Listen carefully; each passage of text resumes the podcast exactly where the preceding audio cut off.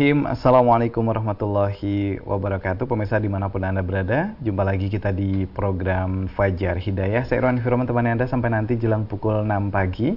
Silahkan yang akan bergabung bersama di uh, line phone, SMS maupun WhatsApp. Kami tunggu uh, nanti saat uh, untuk kita diskusi bersama. Pemirsa di mana pun Anda berada pagi hari ini uh, di program Fajar Hidayah kita dibersamai oleh beliau Ustaz Sunarno dan beliau sudah ada di tengah-tengah kita. Saya sapa beliau terlebih dahulu. Assalamualaikum warahmatullahi wabarakatuh Ustaz. Waalaikumsalam Ya, sehat nih Ustaz ya? Alhamdulillah baik. Alhamdulillah. Ya. Mudah-mudahan pemirsa juga kondisi sehat Ustaz. Ya, Untuk eh, belajar bareng sebelum beraktivitas di tempat masing-masing. Insyaallah. Insyaallah, Ya, Ustaz. ya. Pemirsa di mana pun Anda berada, pastikan eh, Anda nanti bisa bergabung ya, sekali lagi di line phone, SMS maupun WhatsApp. Tapi sebelumnya kita akan simak terlebih dahulu paparan awal dari Ustadz. Monggo Ustadz.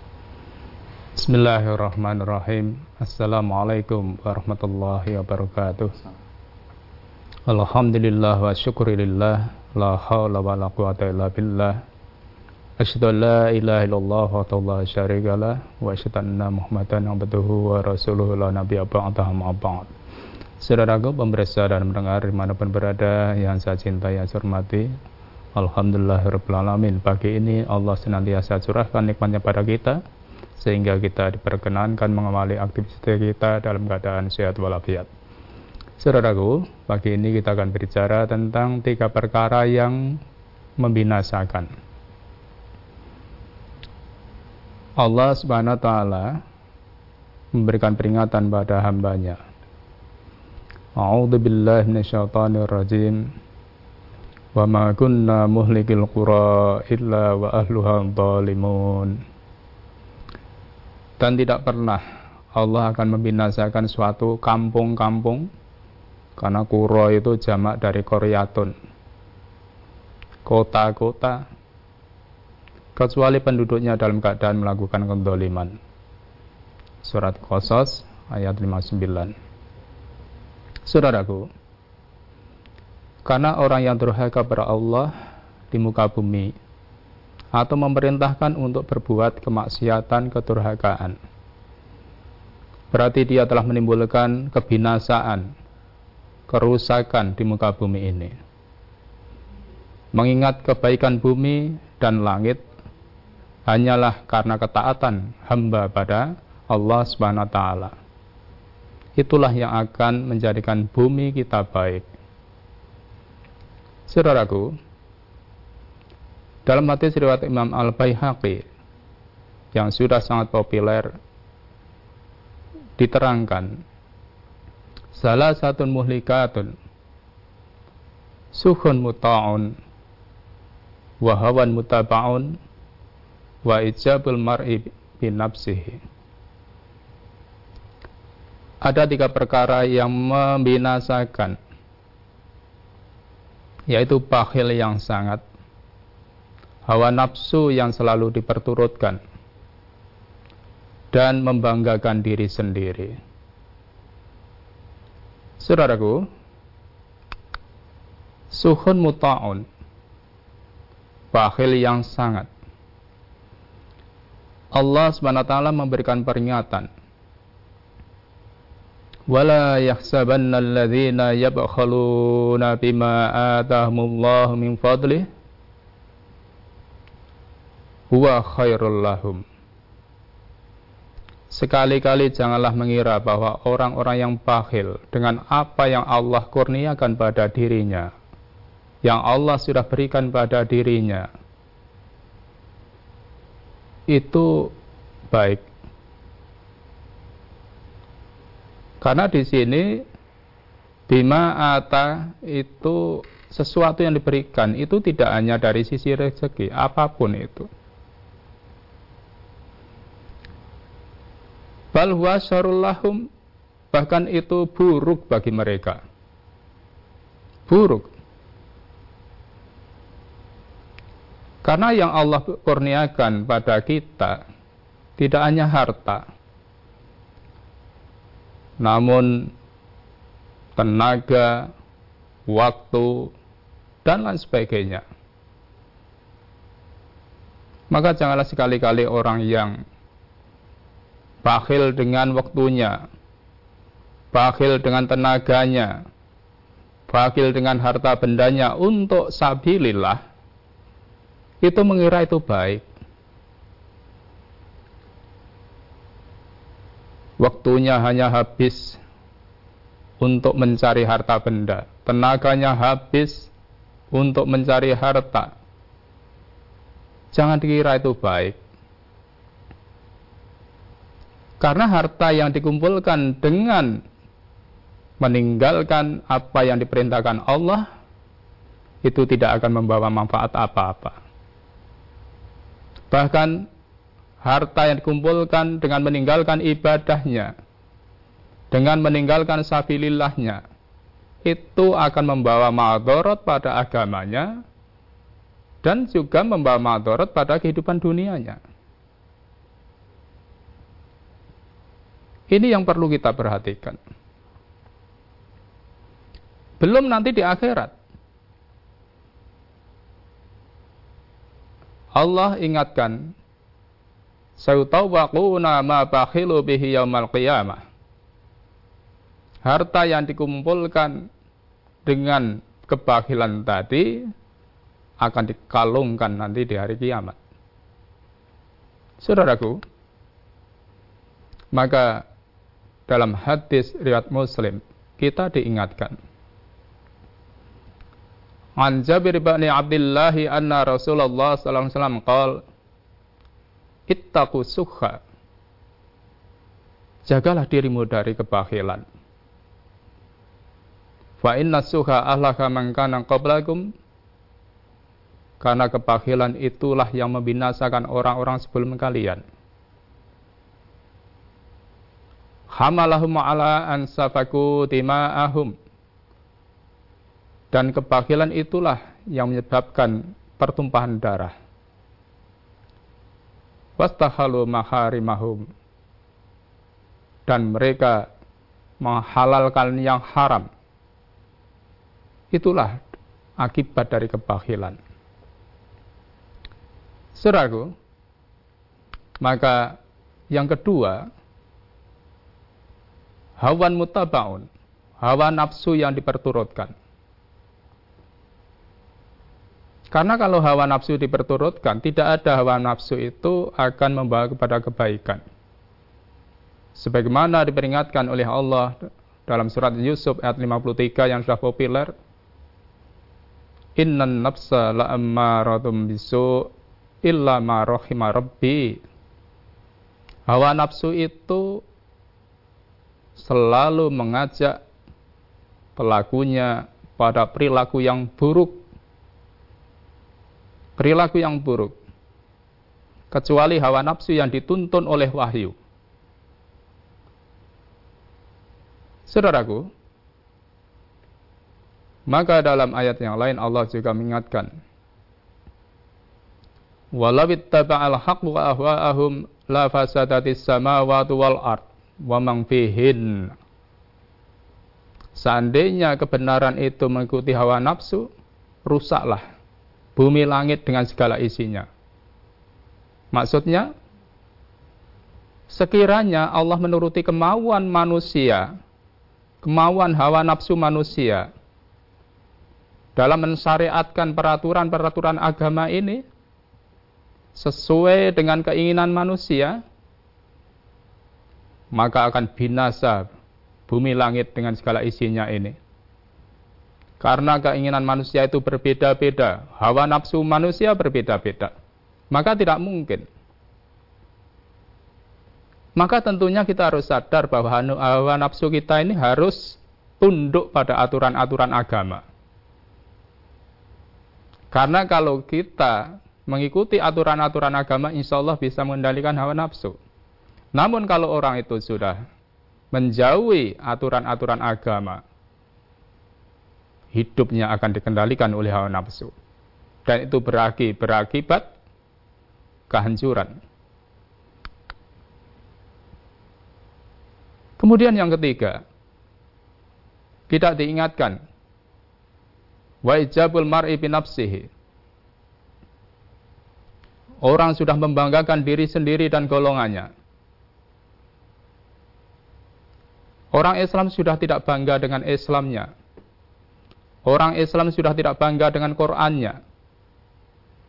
Namun bangga dengan pendapatnya sendiri. Maka kalau ini sudah terjadi, berarti kerusakan pasti terjadi. Karena mengingat dunia ini bisanya baik, itu harus menurut petunjuk dari yang menciptakannya. Sedangkan manusia sudah tidak peduli, tidak bangga dengan Qur'annya, tidak bangga dengan Islamnya, masing-masing membanggakan pendapatnya. Masing-masing membanggakan kelompoknya. Ini akan berbahaya. Maka Allah memperingatkan dalam surat Al-Mu'minun ayat 71 itu bal atainahum bi dzikrihim fahum an dzikrihim muridun. Sebenarnya Allah telah mendatangkan kepada mereka kebanggaan mereka, yakni Al-Quran. Tetapi mereka berpaling dari kebanggaan itu, yakni berpaling dari Al-Quran.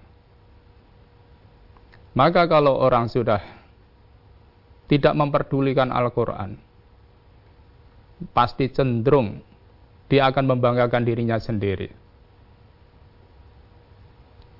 Maka yang begini ini kita juga diingatkan dalam hadis riwayat Abu Dawud.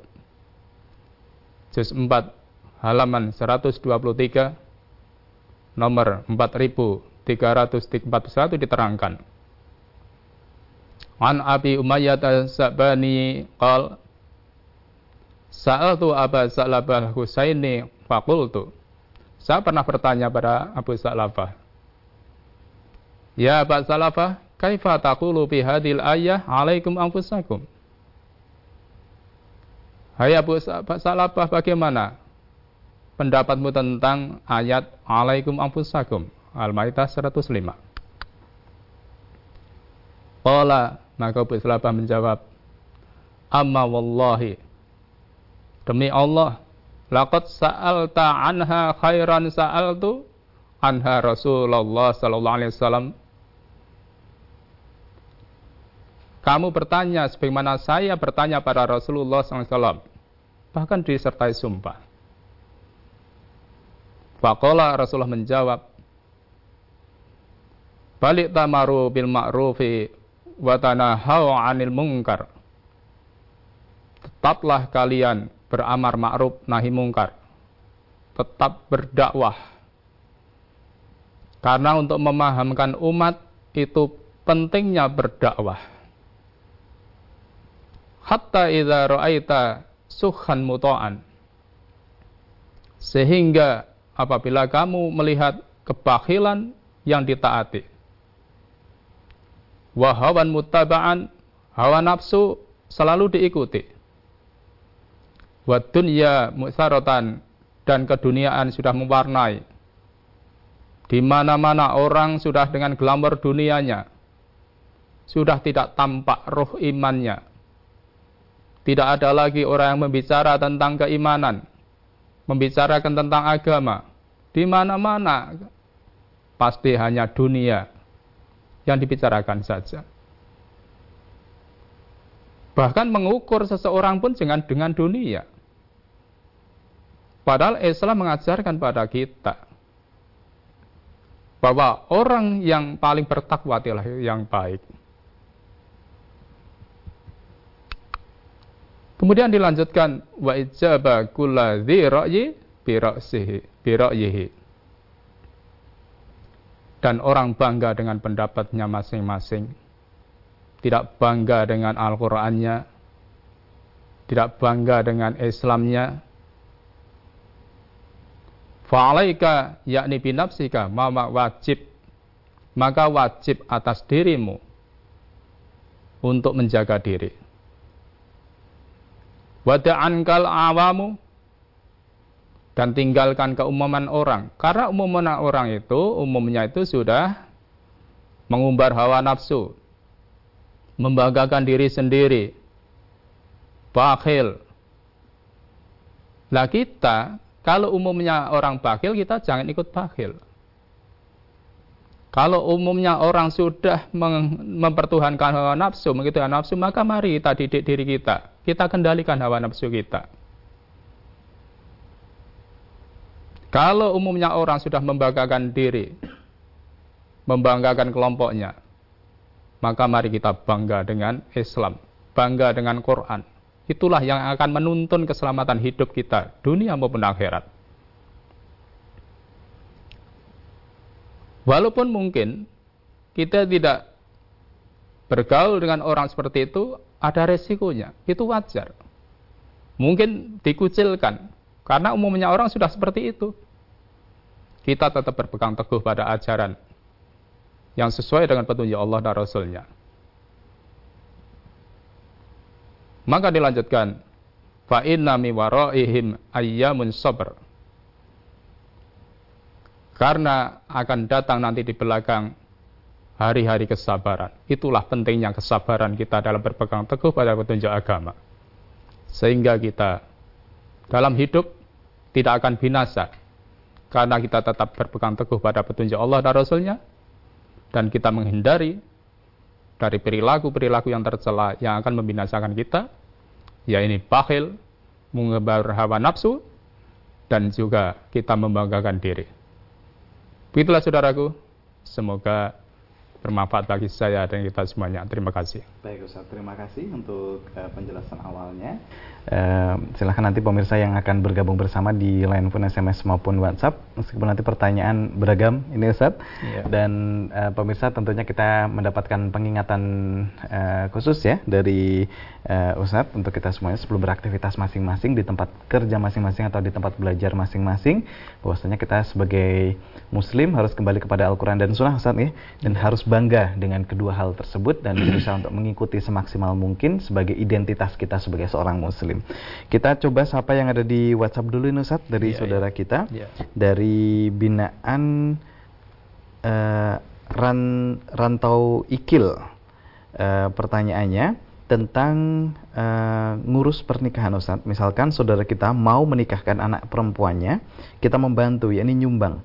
Maksudnya untuk meringankan beban saja Ustaz. Boleh apa tidak? Mohon penjelasannya. Terima kasih. Ya. Dari Jambi berarti ini. Ya saudaraku di Jambi ya. Jadi jadi kalau itu masih saudara ya, masih saudaranya ada saudara kita yang akan mau menikahkan anak mau walimah tentu walimah ya kemudian kita sebagai saudara membantu apa enggak boleh boleh tentu untuk membantu itu mempersiapkan sebelumnya barangkali saudara kita itu tidak ada kemampuan. Maka untuk bisa melaksanakan sesuai dengan petunjuk karena tidak mampu kita membantu boleh. Nanti membantu boleh. Tentu membantu itu sebelumnya. Bisa membantu tenaga untuk mempersiapkan itu. Atau bisa juga membantu yang lain Barangkali saudara kita nanti akan mengundang sekian orang. Barangkali ada kurang kemampuan, ya kita bantu boleh. Kita bantu. Jadi kalau membantu sebelumnya kita ikut mempersiapkan. Baik untuk ikut menata maupun mempersiapkan apa yang perlu nanti dalam rangka untuk kelancaran walimah itu tadi. Begitu, semoga bermanfaat. Baik Ustaz, kemudian kita menuju ke pertanyaan berikutnya dari Pak Tri. Mohon penjelasan Ustaz, jual beli dengan dua harga yang dilarang. Atas penjelasannya terima kasih. Monggo Ustaz. Iya. Jadi kalau nama jual beli itu dua harga yang dilarang. Karena kenapa dilarang? Karena akan bisa menimbulkan perselisihan. Maka kalau kita itu jual beli barang yang sama kok dengan harga yang berbeda ditawarkan dengan orang yang berbeda kok Padahal barangnya sama. Ini nanti akan rentan menimbulkan perselisihan. Maka dilarang. Maka tidak boleh. Tidak boleh. Kalau kita menawarkan yang satu dengan sekian, yang lain juga seperti itu.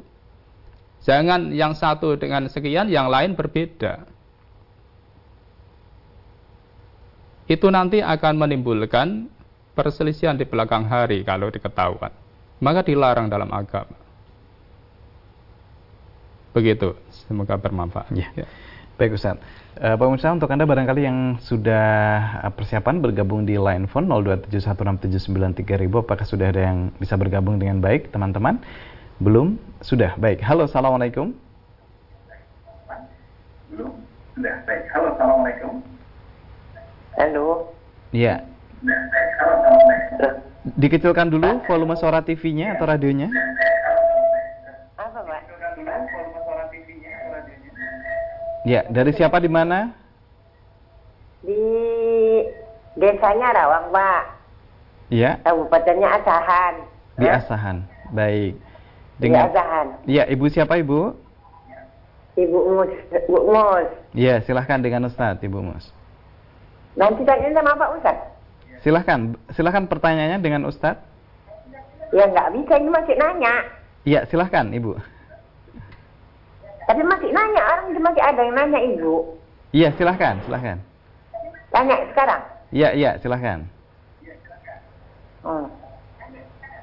Masih ada bertanya lupa. Silahkan ibu, pertanyaannya apa? Iya, iya. Nah, maka. Yang saya tanyakan gini loh Pak. Tapi masih ada pertanyaan di situ. Halo? Ya, silahkan Ibu Mus. Pertanyaannya apa? Oh, pertanyaannya. Pertanyaannya gini loh Pak. Sholat jenazah. Kita kalau orangnya nggak sholat kan kita nggak boleh nyolatkan kan. Jadi kalau keluarga keluarga saya tahu nanya. Jadi udah dua kali baru-baru ini ya Bang Iqbal sama Pak saya ikut nyolatkan. Tapi kalau habis salam, takbir tadi, ada lagi doanya. Itu gimana Pak? Apa boleh kami berhenti Hmm. Atau kita ikut juga gitu. Baik. Gitu ya Pak, makasih ya Pak ya. Terima kasih Ibu Mus di Sumatera Utara. Waalaikumsalam warahmatullahi wabarakatuh. Coba diulang, diulang. Baik, jadi eh, ketika sholat jenazah Ustaz bersama saudaranya begitu, setelah salam eh, ternyata saudaranya yang lain masih ada doa-doa. Begitu, apakah ngikutin atau sudah cukup sampai salam saja? Iya. Jadi Ibu Mus ya diasahan ya. Jadi masalah sholat jenazah jadi kalau kita itu dalam sholat jenazah itu sudah selesai, karena dalam sholat jenazah itu kan kita juga berdoa. Ya, ya sudah selesai ya sudah. Perkara yang lain mendoakan, wong sholatnya sudah selesai kok. Ya kita meninggalkan boleh. Meninggalkan boleh. Karena sholatnya sudah selesai. Jadi intinya itu untuk sholat jenazah tadi. Jadi nggak ada masalah di situ. Begitu Ibu, semoga yeah. bisa dipahami. Baik, demikian Ibu Mus ya, simple dan karena sudah ada doa-doanya di sholatnya yeah, gitu yeah, saat ya. Yeah. Kita menuju ke pertanyaan berikutnya, barangkali sudah ada yang bergabung lagi teman-teman di line phone 02716793000. Halo, Assalamualaikum.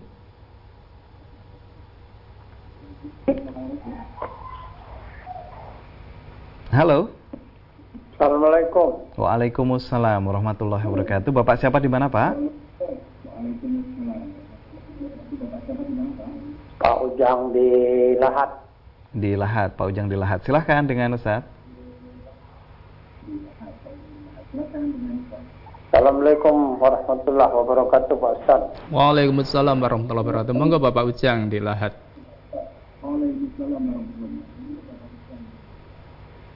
Ini Pak Ustaz, yang mau saya tanyakan surat Al-Tawbah ayat 116. 116. Tolong dijelaskan yang yang termasuk orang-orang yang benar itu yang mana? Iya, iya. Ya. Demikian Pak Ujang. Itu aja Pak Ustaz. Iya. Assalamualaikum ya. warahmatullahi wabarakatuh. Waalaikumsalam warahmatullahi wabarakatuh. Pak Ujang di Lahat, Sumatera ya. Selatan ya. Baik. 116 ya? Iya, 116 Ustaz. Iya.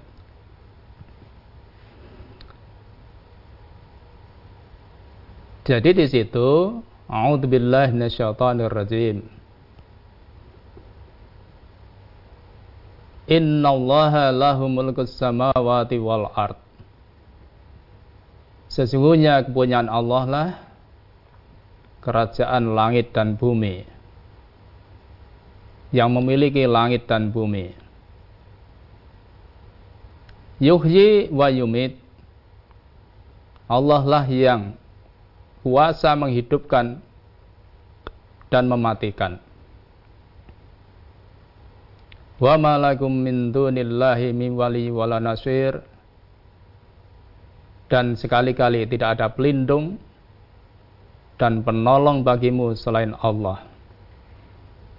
Ini ayatnya sudah jelas. Jadi ayatnya sudah jelas. Jadi hidup mati kita itu tanpa pemberian dari Allah. Kalau kita hidup ini, Allah yang menghidupkan. Nanti mati, kita akan kembali pada Allah. Maka dari ayat ini kita diperingatkan. Karena Allah itu yang mempunyai segalanya, maka tidak ada jalan lain kita sebagai hamba harus mentaati petunjuk-petunjuknya. Karena bagaimana kita itu menempati buminya Allah, menghirup udaranya Allah, meminum airnya Allah, dan segalanya. Namun ada manusia yang membangkang pada perintah yang mempunyai segalanya tadi. Kita hidup, kita bisa bernapas ini karena Allah memberi napas pada kita. Kita bisa menghirup udara ini karena Allah yang memberikan. Berarti kita masih hidup kalau bisa menghirup udara. Namun kalau nanti Allah sudah menghentikan pernapasan kita, berarti kita mati nanti. Kita mati. Jantung kita sekarang masih berdetak. Begitu jantung kita berhenti, kita mati. Napas kita, kita bisa-bisa bernapas dengan lega. Begitu napas kita sudah dihentikan oleh Allah, kita mati maka tidak ada jalan lain manusia itu harus tunduk patuh pada Allah SWT. Dahlah. Mau lari ke mana tidak akan bisa. Maka dikunci. Tidak ada penolong, tidak ada pelindung hanya selain Allah. Selain Allah saja ini enggak ada. Jadi kalau kita itu dalam hidup ini, pelindung kita hanya Allah tidak ada yang lain, maka kita jangan sekali-kali mencari pelindung selain Allah. Sehingga kita tauhid kita tetap lurus, ibadah kita tetap lurus, dan dalam hidup ini kita betul-betul inna solati wa nusuki wa mahyaya wa mamati lillahi rabbil alamin. Begitu bacaan, semoga bisa dipahami. Ya, baik Ustaz. Kita menuju ke pertanyaan berikutnya dari WhatsApp uh, lagi nih Ustaz dari saudara kita yang sudah bergabung bersama. Ya, sebentar Ustaz. Dari Ibu Yanti yang ada di Kudus, uh, apakah harta warisan bisa membawa kita ke jalan kebatilan? Uh, mohon penjelasannya Ustaz, terima kasih. Ya, jadi harta warisan bisa membawa kepada batilan. Kalau tidak kita tunaikan dengan yang sebenarnya. Maka kita harus bisa menjaga itu. Jadi jangan sampai wari, karena warisan menjadikan pecah persaudaraan. Karena warisan menimbulkan pertengkaran. akhirnya yang akan muncul kebatilan-kebatilan. Maka kalau sudah urusan warisan, Allah sudah memberikan aturan bagaimana cara mengurus warisan sesuai dengan petunjuknya. Maka kalau kita orang Islam harus tunduk patuh dengan aturan Allah supaya tidak muncul pertengkaran di belakang hari. Jangan sampai orang saudara pecah karena warisan. Akhirnya jadi putus silaturahmi. Kan itu kebatilan. Dan masih banyak dampak yang lain kalau tidak menurut petunjuk Allah dan Rasulnya. Maka itulah pentingnya kita dalam hal mendapatkan warisan itu harus kita jaga sesuai dengan petunjuk Allah supaya tidak menimbulkan mandorot di belakang hari bagi ahli waris dan kita pun tidak akan makan dan tidak akan juga meninggalkan apa yang tidak halal bagi kita urusannya dalam hal warisan ini. Maka kalau kita mendapatkan warisan, warisan yang betul-betul halal. Jangan yang bukan haknya kita yang punya tidak punya apa itu yang tidak berhak kita ambil itu nggak boleh terjadi. Maka harus adil. Begitu, semoga ya. bermanfaat. Baik, masih banyak pertanyaan ini Ustaz. Coba saya sapa kembali Pak Simin. Uh, Ustadz, apakah nanti di di Madiun ya Pak Simin, nanti di surga atau neraka apa ada waktu istirahat siang dan malam? Apakah kita juga punya rumah sendiri-sendiri? Mohon penjelasannya Ustaz. Terima kasih. Ya kalau urusan surga neraka itu urusan goib. Yang jelas itu khalidina fiha abada kalau di surga. Di neraka ya begitu, nggak ada sempatan istirahat, tidak pernah ada. Maka kalau kita nanti di surga juga akan disiapkan rumah. Maka kalau kita dalam sholat jenazah itu kan ada doanya. Babdil daron khairomentarihi itu aja doanya ketika kita sholat jenazah itu kan begitu. Bagi yang mati, ya Allah gantilah rumah yang lebih bagus daripada rumah di dunia ini. Nanti di surga akan disediakan rumah yang lebih bagus. Namun ini urusan yang goib. Kita tidak perlu berpikir bagaimana di surganya. Tapi kita berpikir bagaimana kita bisa masuk surga. Itu yang paling penting. Maka kalau kita ingin masuk surga, jadilah orang beriman yang baik. Karena Allah sudah berikan kabar gembira, wa basyiril ladzina amanu wa amilus solihat. Berilah kabar gembira pada orang beriman dan beramal soleh. Bi annalahmul jannah bagi mereka surga. Itu yang penting. Maka kita ini konsentrasikan dalam hidup ini bagaimana kita bisa dikurniai surga karena kita menjadi hamba yang iman, hamba yang takwa, karena hanya itu yang berhak nanti masuk surga. Yang lain tidak akan ada. Begitu, semoga bisa dipahami. Ya. Baik, kemudian dari Pak Yanto di Purbalingga.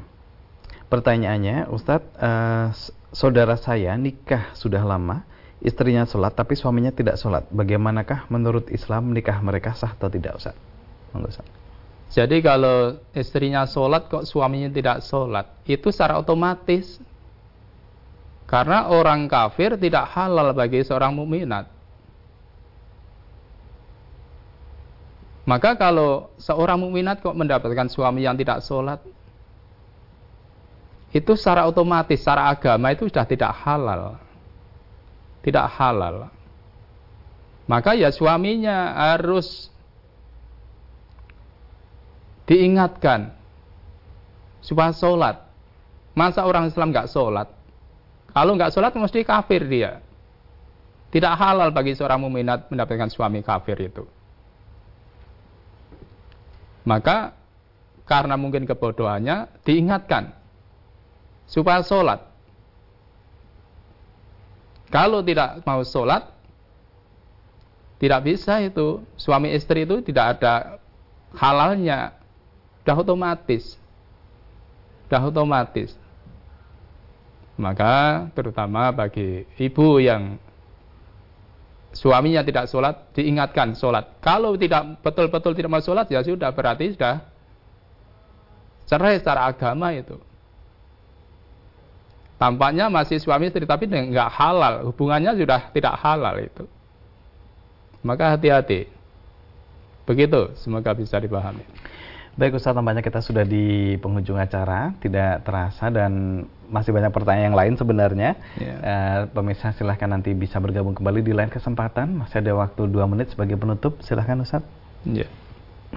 Saudaraku pemirsa dan mendengar di mana pun berada, yang saya cintai, yang saya hormati. Jadi kesimpulannya saudaraku, jadi manusia itu hakikatnya tidak mau mengalami kebinasaan hidup kesengsaraan hidup.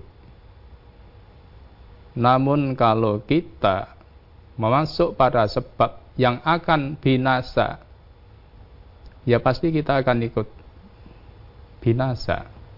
Maka supaya kita tidak mengalami kebinasaan dalam hidup kita, yang pertama kita diingatkan jangan bakhil. Bakhil dengan tenaganya, bakhil dengan waktunya, apalagi dengan harta bendanya. Maka mari kita gunakan tenaga kita untuk sabilillah. Kadangkala sholat saja waktunya dipres-pres, itu termasuk orang yang bakhil. Jumatan saja banyak terlambat. Dikira kalau bisa menyelesaikan pekerjaannya sampai sholatnya terlambat, jumatannya terlambat, itu akan membawa kebaikan? Enggak, itu malah merusak. Tenaga kita jangan dihabiskan hanya untuk cari dunia. Waktu ibadah ya ibadah, waktu sabilillah sabilillah. Maka jangan sampai kita bakhil, termasuk harta benda kita. Kalau kita diberi rezeki, zakat tunaikan. Jangan bakhil dengan apa yang Allah sudah berikan pada kita. Yang kedua, kita jangan sampai ngumbar hawa nafsu. Hawa nafsu itu bagaimanapun tidak akan membawa kepada keselamatan, kecuali hawa nafsu yang dirahmati. Hawa nafsu yang dituntun oleh wahyu.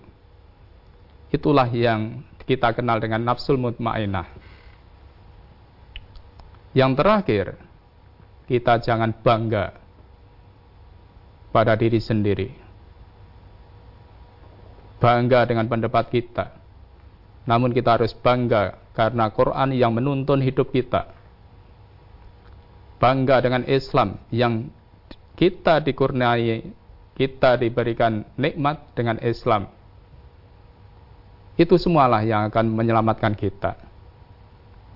Maka semoga kita bisa pegang teguh pada petunjuk-petunjuk Allah dan Rasul demi supaya kita tidak, binasa dalam hidup ini. Baik itu dunia maupun akhirat. Begitu, semoga bermanfaat untuk kita semuanya. Baik Ustaz, terima kasih banyak ilmu yang sudah dibagikan untuk kita semuanya. Sehat terus Ustaz, insya Allah jumpa insya lagi di kesempatan berikutnya. Ya. Assalamualaikum warahmatullahi wabarakatuh. Ustaz. Waalaikumsalam warahmatullahi wabarakatuh. Baik, pemirsa, di mana pun Anda berada, demikian uh, Fajar Hidayah kita bersama saya Sunano. Terima kasih perhatian Anda. Selamat mengikuti program kami berikutnya. Tetap jaga kesehatan. Subhanakallah bihamdika. Asyadu ala ilaha ila anta astagfirullah wa Assalamualaikum warahmatullahi wabarakatuh.